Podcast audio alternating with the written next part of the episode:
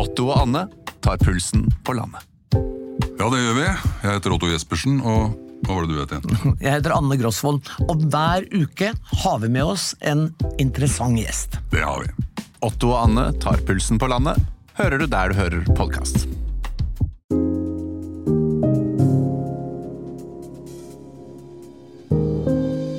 Fredrik og Kadafi, en podkast fra TV 2.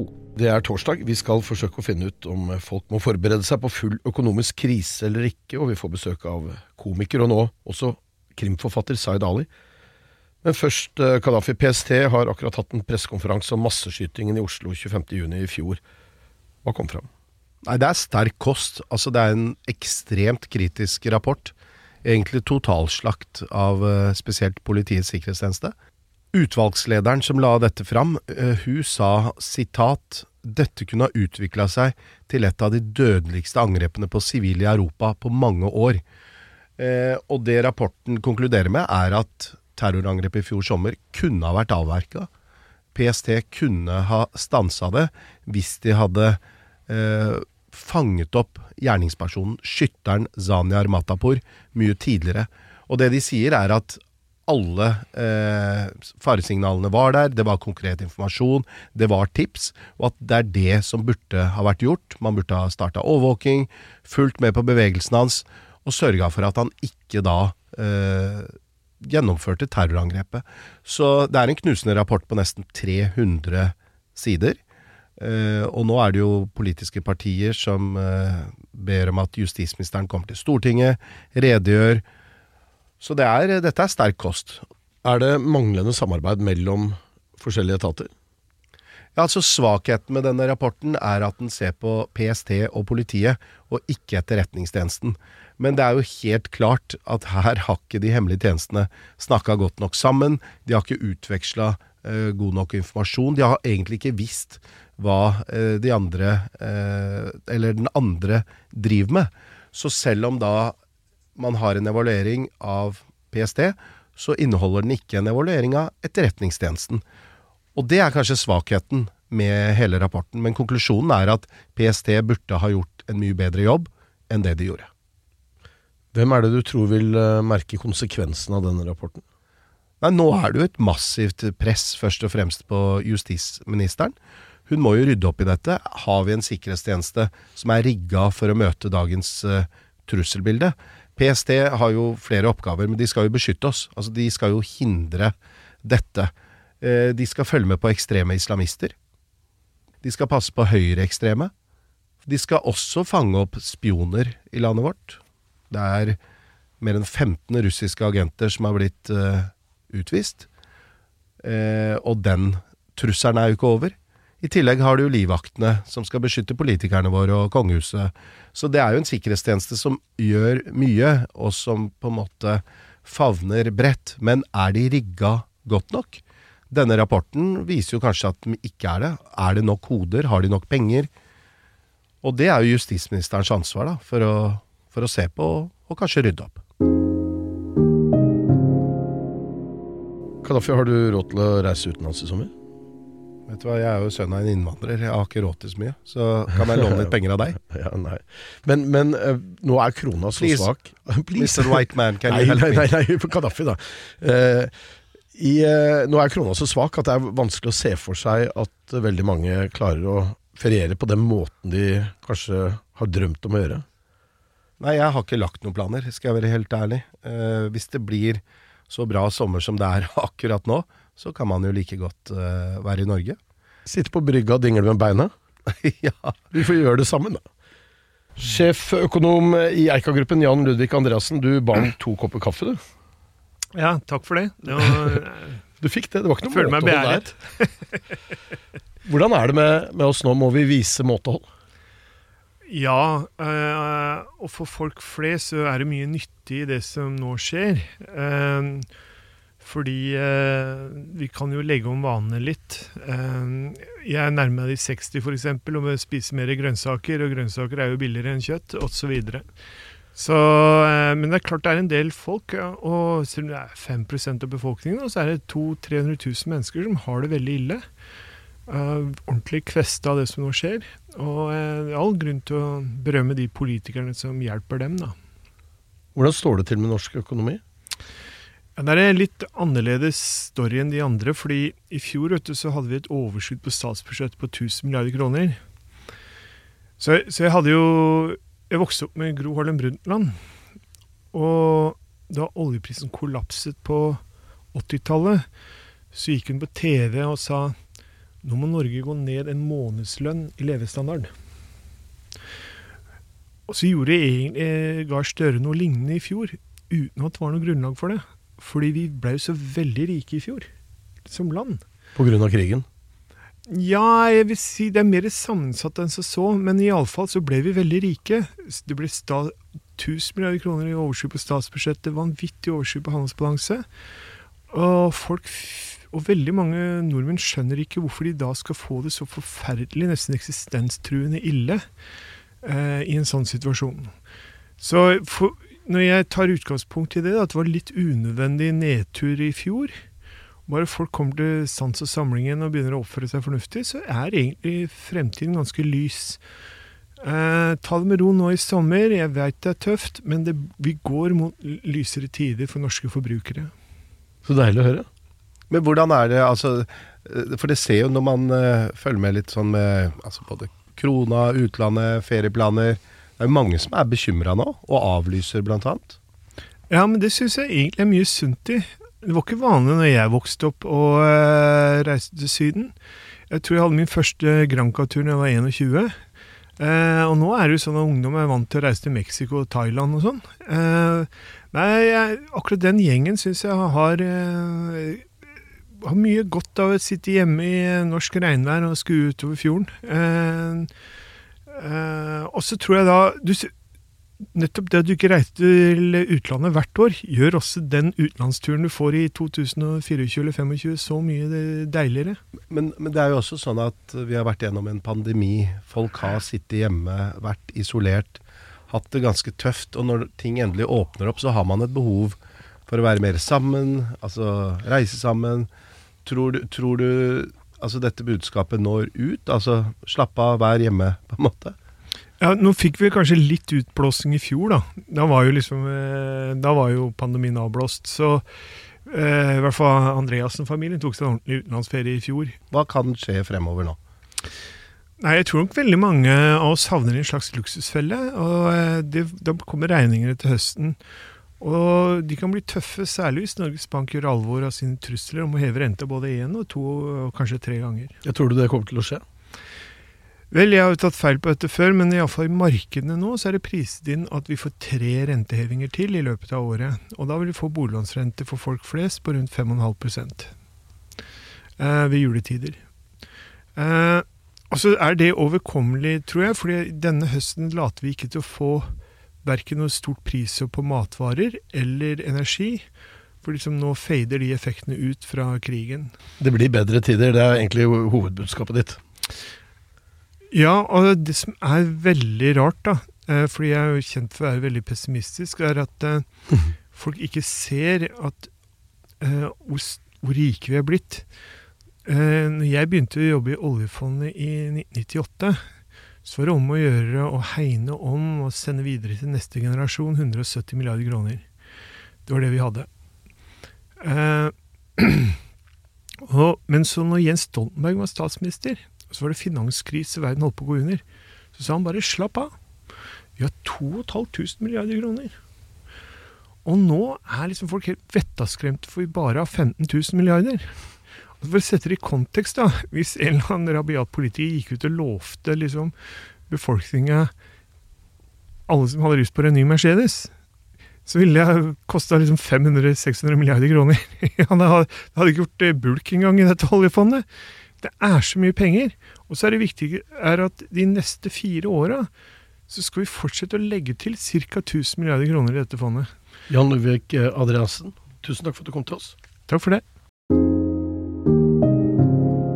Den siste uka har vært preget av flere miljøkampmarkeringer. Her i Oslo har mange markert det de kaller et 600 dager langt eh, menneskerettighetsbrudd mot urfolk som følge av vindturbinutbyggingen på Fosen Og mandag blokkerte klimagruppen Extinction Rebellion inngangen til Stortinget i protest mot det de mener er manglende politisk handlekraft. Kollega Simen Grimstad Øksnes, eh, det er mye engasjement nå. Du følger klimasaker for TV 2. Ja, litt. Vi er jo flere. Men eh, jeg eh, jobber med det løpende, og eh, da er jo klima ofte litt løpende. Vi kan jo først begynne litt med kjøtt, da. For jeg ser for meg at dere er to karer som er glad i kjøtt. Nei, men, ser sånn ut? Hvordan ser du det? Nei, bare det, det er jo et uh, Har du hørt podkasten og slanking og sånn? Jeg har hørt at det har vært snakk om sommerkropp, uh, ja. Um, men jeg, uten jeg, Det er på en måte lett å anta at dere er glad i kjøtt, da. Det er på en måte menn uh, Altså, jeg må bare si noe. Her om dagen så satt jeg i sola, eh, og så sier jeg til Fredrik Skal jeg bestille noen lammekoteletter? Deilige, spicy pakistanske lammekoteletter. For det hadde jeg lyst på. Så ja, jeg er glad i kjøtt. Gjett hva han svarte. Nei, jeg skal hjem og spise salat. Oi. Ja, og jeg Men- prøvde og prøvde, prøvde faktisk i to timer. Dropp den salaten, så spiser vi lammekoteletter. Nei. Hm. Men da kan det være at eh, Fredrik her er inne på noe, fordi at vi nordmenn spiser altfor mye kjøtt. Det ble slått fast av Ellen Hambro i Miljødirektoratet, som overrakte liksom klimatiltakene mot 2030. Og vi må gå fra et forbruk på ca. 800 gram i uken, eh, hvis ikke jeg har forstått helt feil. Det kan vel eh, ta forbehold om feil der, men altfor mye kjøtt i hvert fall. Til 800 gram i uka. Ja, Det høres jævlig mye ut, men Hæ? Det høres ikke mye ut. Syns du ikke det? Nei, nei, jeg eh, back in the days kunne jeg lett spise en eh, kjøttdeigpakke på 400 gram til middag med litt spagetti og sånn, Eh, men i hvert fall så må vi ned til 500 gram, og trappe delvis ned til ned mot 330 gram i uken innen 2030. Og da er det altså rødt kjøtt, det er lam, det er storfe, det er sau, og det er gris. Um, Ja, Gris er greit, da. Det kan vi kutte ut. Men, men dette engasjementet vi ser nå, fordi det er jo et voldsomt engasjement akkurat nå. absolutt. Eh, hvem er det som engasjerer seg mest? De som er mest synlige, i hvert fall. Vi har jo på en måte de eh, tradisjonelle. sant? Eh, Greenpeace, Naturvernforbundet, Framtiden i våre hender. Alle disse som på en måte har en lang historie. Men de som på en måte når kanskje mest frem til media, eh, med på en måte litt sånn ukonvensjonelle eh, tiltak, det er jo Extinction Rebellion og sånn stopp oljeletinga og eh, eh, Scientist Rebellion, som har hatt mye oppe i Trondheim, sånt der de sitter og sperrer trafikken og sånn. Men, men både Scientist Rebellion og Stopp oljeletinga har vært litt sånn stille fra Hvis man går på liksom nettsiden til Stopp oljeletinga nå, så står det liksom 'Hva skjer framover?' og så er det bare en blank side. Det er ingenting, liksom. Men Extinction Rebellion de er aktive, eh, og de eh, satte jo seg framfor Stortinget på mandag, og det er sterke virkemidler, sånn at man drukner i olje, man lenker seg fast med halsen til Stortinget, og man er svært eh, opprørte, da. Eh, vi filmet en sånn sekvens der Ove Trellevik i Høyre kommer ut og skal liksom gjøre et par intervjuer, og så på en måte snakke til dem, da, og det blir jo det blir temperatur med én gang. Det er på en måte bare skriking, og du er en løgner, og han eh, på godt eh, vestlandske Nei, nei, nei, nei, nei, det stemmer ikke, det stemmer ikke, du har helt feil. Og det er bare Det er liksom ingen substans. Det er bare fram og tilbake skriking. Du lyver. Um, Men hva, hva, men hva er det de kjemper for? Akkurat nå på mandag så behandler Stortinget eh, om de skulle ut, eh, utrede, eller drifte da, tre nye oljefelter i, utenfor Vestland og i Nordsjøen.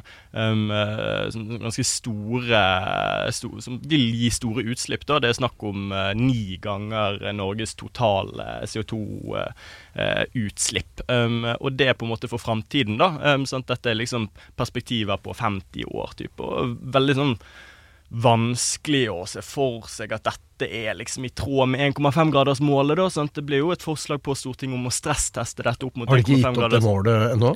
Nei, de har jo ikke det. Og Nei? disse klimatiltakene som ble lansert fredag, da, de, eh, de legger jo til grunn at man skal nå de, men det er ganske, det er ganske ekstreme eh, tiltak som skal til, da.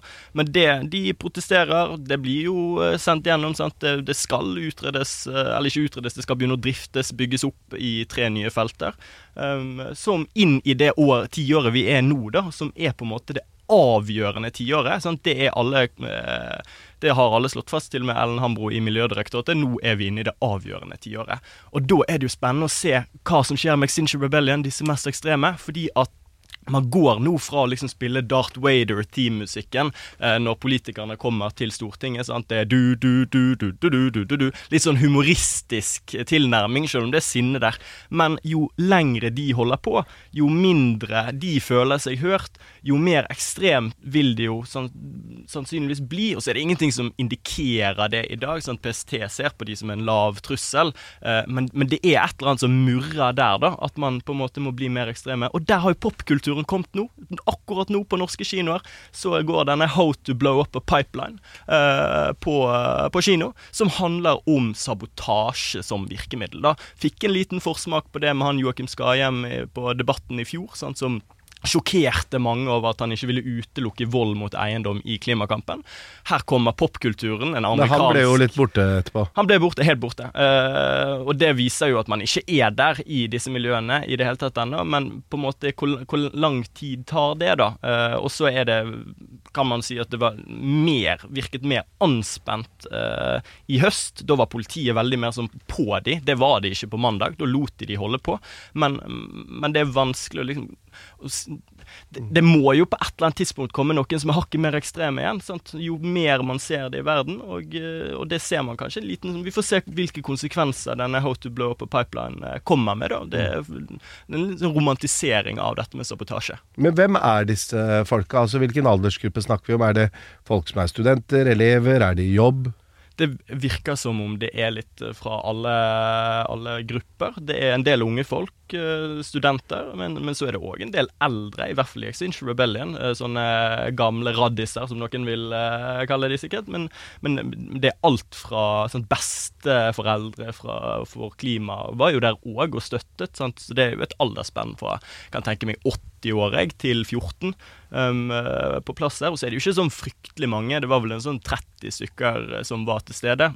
Men vi har jo vi har vært med disse før. Jeg har vært med på et sånn eh, preppemøte før en aksjon. Eh, det var i forbindelse med Equinors høstkonferanse i høst. og det, det er jo, det, Man ser jo nye fjes hele tiden. Og så er det på en måte noen fra Stopp oljeletinga, noen fra Scientist Rebellion som er med i Extinction Rebellion. En veldig sånn flytende grense mellom disse, på en måte, som kunne kalles de mest ekstreme i Norge. da. Mm.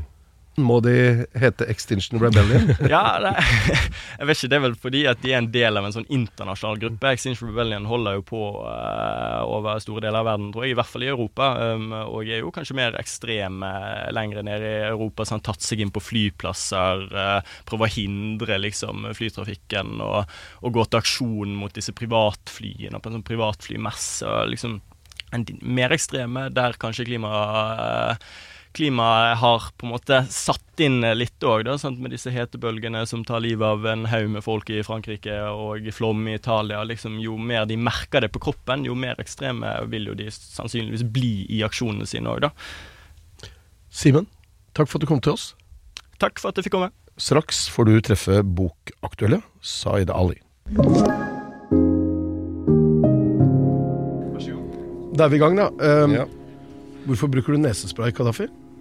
Jeg er litt sånn tett i nesa. Jeg lurer seriøst Tett i nøtta? Tett i nøtta. Nei, jeg lurer seriøst på om jeg har fått uh, allergi jeg, i voksen alder. Jeg, jeg, er usikker. Jeg skal teste meg. Ja. Velkommen, Zaid Ali. Tusen takk. Kadafi sa akkurat at uh, det var en pakistansk nesespray. Oh, ja. Så det, det, er ikke den du får kjøpt på apoteket. Er det mer chili? Men det er den du får kjøpt utenfor apoteket. Å, er det, det, er ikke noe Nei da. Kanskje ikke noe vi skal snakke om. Ikke, nei, jeg tror ikke vi skal snakke om det. Du har gitt ut bok. Det er ikke Krimpodden. Du har gitt ut bok. Jeg har gitt ut bok. En erotisk thriller først, som ikke ble noe av, men uh, dette er en uh, Ja, fortell krim. om thrilleren først, da. Den erotiske thrilleren? Ja.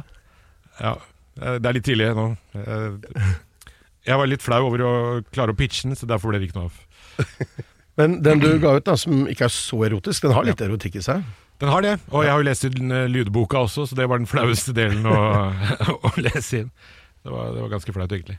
Men Er ikke du vant til uh, sex og show og sånn, og snakke om alt? Jo, men her var det liksom uh, jeg-person og, og forelska i en dame, og så skal de ha sex. Og teknikeren var ikke fornøyd. Han kom inn hele tiden og sa at vi må Jeg tror vi må ta det en gang til, for det høres ikke ekte ut. høres ikke ut som du har gjort det før. Men du, dette er en krim, men det er, er morsomt. Jeg må bare si det som jeg sa til deg rett før vi gikk inn i studio, at um, for meg så er dette et slags møte med en pakistansk utgave av Elling. Altså Elling, figuren til eh, Ingvar Ambjørnsen. Ikke, ja, ja, ikke forfatteren, men eh, ja. Tusen takk. Ja, Eh, det- var, er det et kompliment? Ja, det, det er jo det. Elling er liksom er en figur jeg, jeg har blitt veldig glad i. Da. Nå har jeg blitt glad i, i eh, han her, Wasim. Ja. Vaskemannen som blir privatdetektiv ved et uhell. Ja. Hva er plottet? Sånn kort For du har ikke lest den. Nei, men sorry. vi, vi fikk bare lov til å kjøpe én. Og jeg var på vei inn døra, og da var Kadafi så ikke at jeg sto bak han, og da drev han og googla meg, navn og fødsel og Han, han, han, han gjør research i siste liten. Han Ja. har så mye å gjøre, vet du. Jeg googla 'Hvem er Zahid Ali'? Er det med sett, ikke sant? Nei, vet du hva? Jeg må bare si en ting. Veldig ofte, eh, hvis jeg er på gata eller ute, så får jeg høre 'Hei, Zaid Ali, du er så kul, du er så morsom'. Og da tar jeg selfie, og så sier jeg 'du må tagge tagge meg, tagg Zaid Ali'. Ja, det har skjedd noen ganger. Og så sier han etterpå at det er Gaddafi, og så Nei, sletter de bildene. Og Men, men har du opplevd det motsatte? Jeg opplever det med Abid Raja. eh, at, at folk for, for Jeg skrev den boka nå, den kom ut i forrige uke, men jeg har fått komplimenter for den boka i flere år nå. Og sist var uh, rett utenfor Fontena på Nationaltheatret, så kommer det en fyr. Uh, kommer rett fra Granca, han, på, han bor der fast og er forfatter sjøl. og han uh, tar tak i meg, uh, og jeg trodde det var noe voldsgreier. For han var liksom ganske Jeg tror han var litt pussa, men så sa han du, du må bare du må, Jeg må få lov til å si dette her. Og han skrøyt i ti minutter om eh, ting jeg hadde gjort. Han sa ikke spesifikt hva jeg hadde gjort, men han sa ting som at Så så jeg deg på NRK, og måten du gjorde det intervjuet på. Da tenkte jeg der er det et eller annet. Jeg ser det. Jeg så talentet ditt allerede for 20 år siden. Og jeg ble stående og si takk, takk, takk, takk, takk, takk tusen takk. Eh, og så eh, avslutter han med Og den biografien, helt Altså, den traff det traff meg i hjertet. Men, men er det Men Det var, spørre eh, dere to, da. Er det sånn at eh, det skjer altså, Nei, jeg blir forveksla med Abid hele tiden. Jo, men er det sånn at vi hvite nordmenn ikke ser forskjell på pakistanere? Altså, altså Jeg blir Ja. også forveksla med Abid. Altså, både Zahid og Abid. Eh, og det jeg har gjort, er jeg har pugga nummeret hans. Altså til Abid Raja. Og har nok Jeg, jeg må innrømme at jeg har delt ut det. Og si Vet du hva, jeg har ikke tid til en prat nå, men ring meg.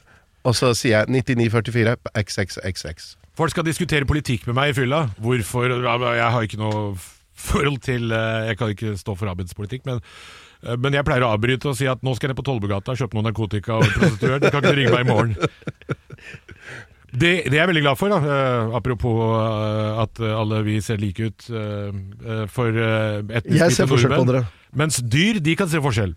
For jeg, jeg var på Rema for noen år siden, og, og jeg klarte å tråkke på et måkeegg uten å merke det. Og da var det tilbud på noen greier på Rema, så rett utenfor så sto det folk fra Sri Lanka, Bangladesh, indre pakistanere som meg selv. Alle hadde skjegg, var forskjellige fasonger, men den måken kjente igjen meg. så jeg gikk imellom folk og dukka og, og plasserte andre folk foran, men den var liksom ute etter meg helt til jeg satte meg i bilen. Så det satte jeg pris på at noen i hvert fall klarer å skille oss fra hverandre.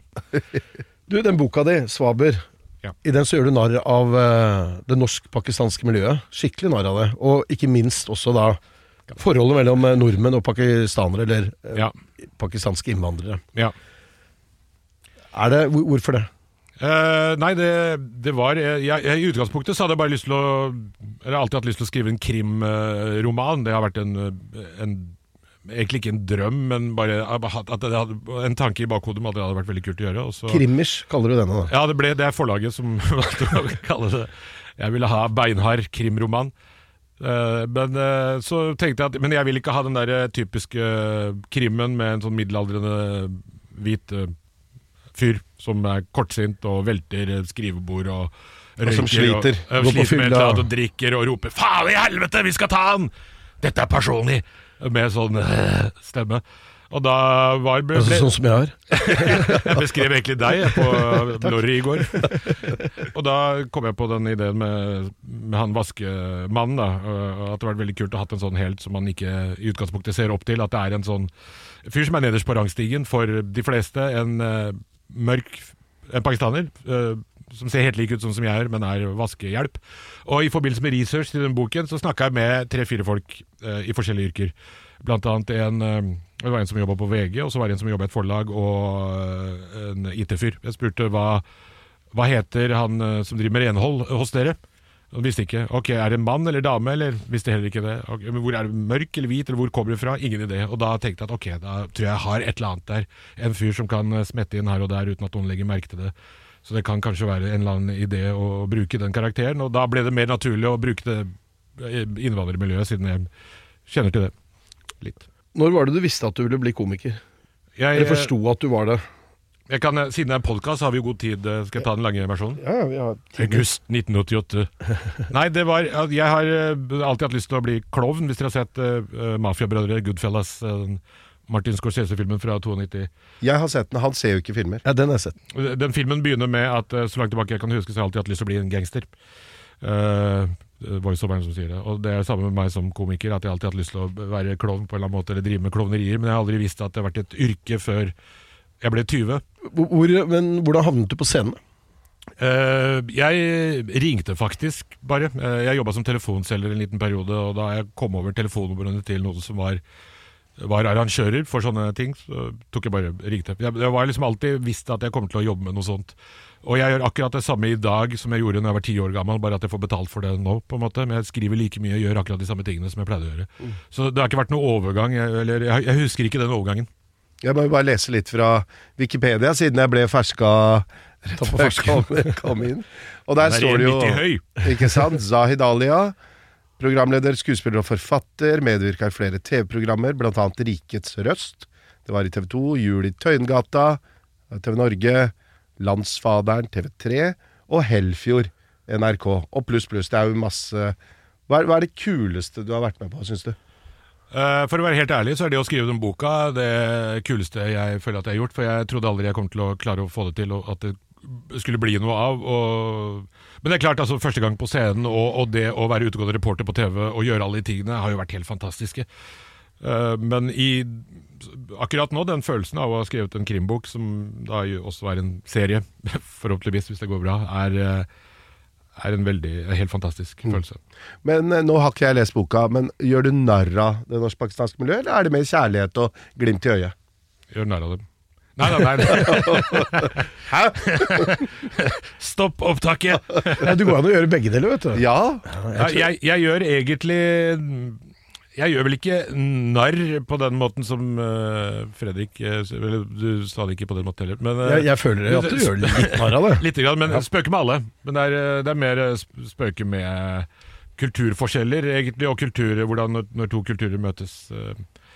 For, for ikke så lenge siden så holdt du en tale i Oslo rådhus som traff veldig mange. og som gjorde veldig sterkt inntrykk. Det var i forbindelse med Shabana Remans eh, bortgang. Ja. Hva var ditt forhold til henne? Uh, vi, vi gikk i samme klasse sammen på barneskolen, uh, og, og var veldig gode venner der. Og så uh, hadde vi ikke noe kontakt på ungdomsskolen eller videregående. Vi gikk til hvert vårt. Så traff jeg henne på byen, på Onkel Donald. Eh, Onkel Donald i Universitetsgata på slutten av 90-tallet. Da hadde hun sånn, uh, sånn ecstasy-ryggsekk, og eh, gul, liten, selvlysende, og musefleter. Uh, så ut som en sånn corny Barbie-dokke som har blitt slengt i veggen et par ganger. Jeg tror hun kom rett fra et nachspiel. Så det var Walk of Shame fra Barbieland. Eh, Men eh, hun kjente meg ikke igjen, var, og jeg også kommer rett fra et eller annet corny sted. Så det var en fyr imellom eh, som sa at 'kjenner ikke dere hverandre?' 'Å ja, faen, det er deg, jo'. Og jeg fortalte henne at jeg drev med standup, og introduserte for henne. Og introduserte henne for alle mine standup-kollegaer, og hadde henne med på turer og turneer og, og greier. Hun hadde veldig lyst til å drive med dette. Så da ble vi veldig gode venner på nytt igjen, eh, og har hatt eh, nesten daglig kontakt eh, siden. Og fortsatt så er en tredjedel av bildene på mobilen min er med henne.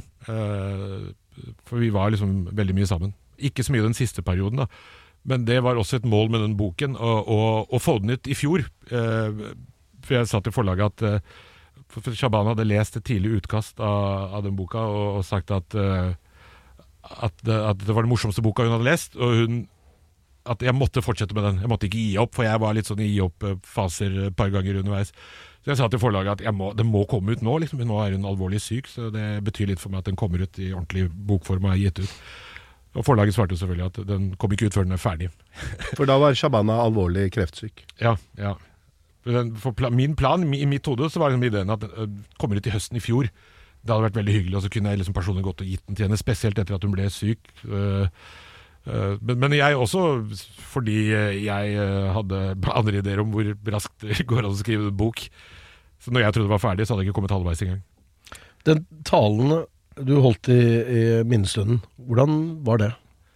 Det var, eh, det var helt eh, forferdelig, også fordi det å holde begravelsestaler eh, har for meg vært et mareritt. Jeg eh, sagt ofte til venner og, og familie at det verste med Eller ikke familie, for det er, det er, ikke, det er ikke så vanlig å holde begravelsestaler i pakistanske uh, begravelser. Det er bare grining, og så går alle til sitt. Så det er litt sånn takknemlig jobb sånn sett. Men jeg, men, uh, men jeg har alltid sagt at faen, jeg håper ikke noen nære venner eller noen dør, for da må du holde begravelsestale. Du vet aldri når du bryter sammen eller knekker, eller hva som kommer til å skje. Så jeg, jeg var, det var liksom det jeg har hatt mareritt om i alle år. Og at eh, man er ute på havet et eller annet sted, og så er det noe mørkt, stort, svart som kommer under båten, og, eh, som du ikke kan gjøre noe med. Det er de to tingene. Det var helt forferdelig. Uh, Og jeg husker jeg fikk den telefonen av broren hennes, som ringte og lurte på om jeg kunne holde den talen. Jeg svarte ja, men uh, Og så bare kjørte jeg en eller annen retning. Husker ikke hvor jeg endte opp i Åsgårdstrand. For det første som slo meg, var Oi, du skal holde en begravelsestale. Uavhengig av hvem, men bare det i seg selv var jævlig tøft. Så jeg var, øh, jeg var jævlig nervøs. Veldig nervøs. Jeg visste ikke at det var TV-sendt engang. For det var et bitte lite NTB-kamera. Jeg bruker egentlig briller, så det så ut som var noe sånn privat øh, opplegg som familien ville dokumentere. Så du visste ikke at hele Norge Nei, nei. hadde muligheten til å sitte og Så på? jeg hadde ikke skrudd av mobilen engang, for jeg trodde at dette var jo bare noe Så det vibrerte jo underveis uh, i talen for en eller annen idiot som hadde sittet og sett på og tenkt at ja, nå skal jeg sende han, der er han, nå skal jeg sende han meldinger. Så det vibrerte et par, tre, 400 ganger under talen og etter, eh, og da skjønte jeg at det var og, og fra jeg gikk ut der og jeg bodde på Bristol, så var det jo helt Det virka som hele Norge hadde fått med seg en tale. Det var fint at den funka, da, for jeg husker ingenting av talen, og jeg har ikke turt å se den eh, heller. Men- jeg, har ikke, jeg har ikke sett den siden. Men, men tenker du at mange endelig forsto Shabana Rehman etter hennes død? Altså hva hun prøvde å oppnå, hva hun kjempa for, egentlig? En del av det syns det var hipt å forstå, uten å ha forstått det. Mens, øh, men, de, men en annen del, som du sier, ja, helt klart. Eh, For jeg tror hun fikk til veldig mye mer øh, enn det som var synlig. Og, men det var jo også, mens hun levde, var det veldig frustrerende for min egen del å gå ut på byen sammen med henne, hvor alle bare snakka om det mulla løftet. Det var som ah, 'Der er hun som løfta mullaen!' Og i kommentarfeltet etter at hun døde, og begravelsen også, så var det jo hundrevis av meldinger som bare gikk ut på Ok, hun løfta Bulla Krekar, og nå blir hun begravd på statens regning. Nå må vi også gå ut og finne våre folk vi kan løfte. Så det, er- det, er, veldig mange som ikke har skjønt uh, mye av det hun gjorde, men det tror jeg også kommer av at uh, jeg tror ikke hun selv var klar over hvilken målgruppe hun hadde. Eller, uh, der skulle jeg kanskje ønske at hun var litt spissere for hvem er det du prøver å nå. Jeg selv forsto ikke kronikkene hennes. Mange av dem måtte lese seks ganger før jeg skjønte hva hun Jeg måtte ringe henne for å spørre om er jeg på riktig vei nå. Forstår jeg hva du skriver om? Så jeg tror øh, det var veldig mye folk på Oslos finere vestkant øh, som forsto og likte, og veldig mye av den forandringen som han snakker om, ble gjort på papir. Eh, så ja. Majoriteten eh, så jo på henne, og ser henne fortsatt på som en som løfta mulla Krekar, og, og det var gøy. Hva gjør du nå? Hva skal du gjøre videre? Kommer det flere bøker? Du nevnte, du antyda noe i sted.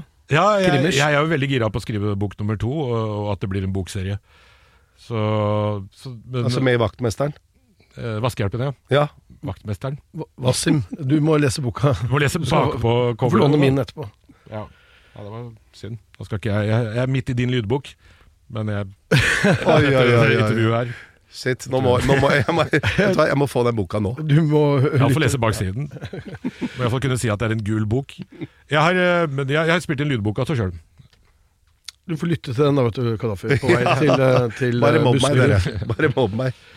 Zaid Ali, tusen takk for at du kom. Tusen takk for å være her. Veldig hyggelig og stor fan av begge dere. Jeg har jo vokst opp med dere. Jeg gikk jo på barneskolen når dere gjorde de store tingene deres. Eh, Så vi er ferdige, liksom. Vi er. Eh, bursdag Nå skal ikke jeg si hvilket år du er født, men Det er veldig hyggelig. Tusen takk. takk. Takk også til Jan Ludvig Andreassen og kollega Simen Grimstad Øksnes her i studio. Kadafi Saman og Fredrik Gressvik. Teknisk ansvarlig Mikael Skorbakk. Produsent Maja Ertum. Redaktør Karianne Solbrekke.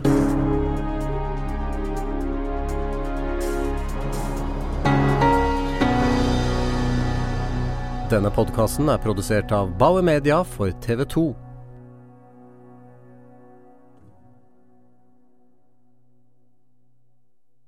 Ungsamtalen fra DNB er økonomisk veiledning tilpasset deg som er ung. Bokk en ungsamtale på dnb.no. ung. Ok, det var jo en syk døll måte å forklare ungsamtalen på, da. En smart prat om penga mine, ville jeg sagt. Ikke sånn kjedelig økonomisprat, skjønner du.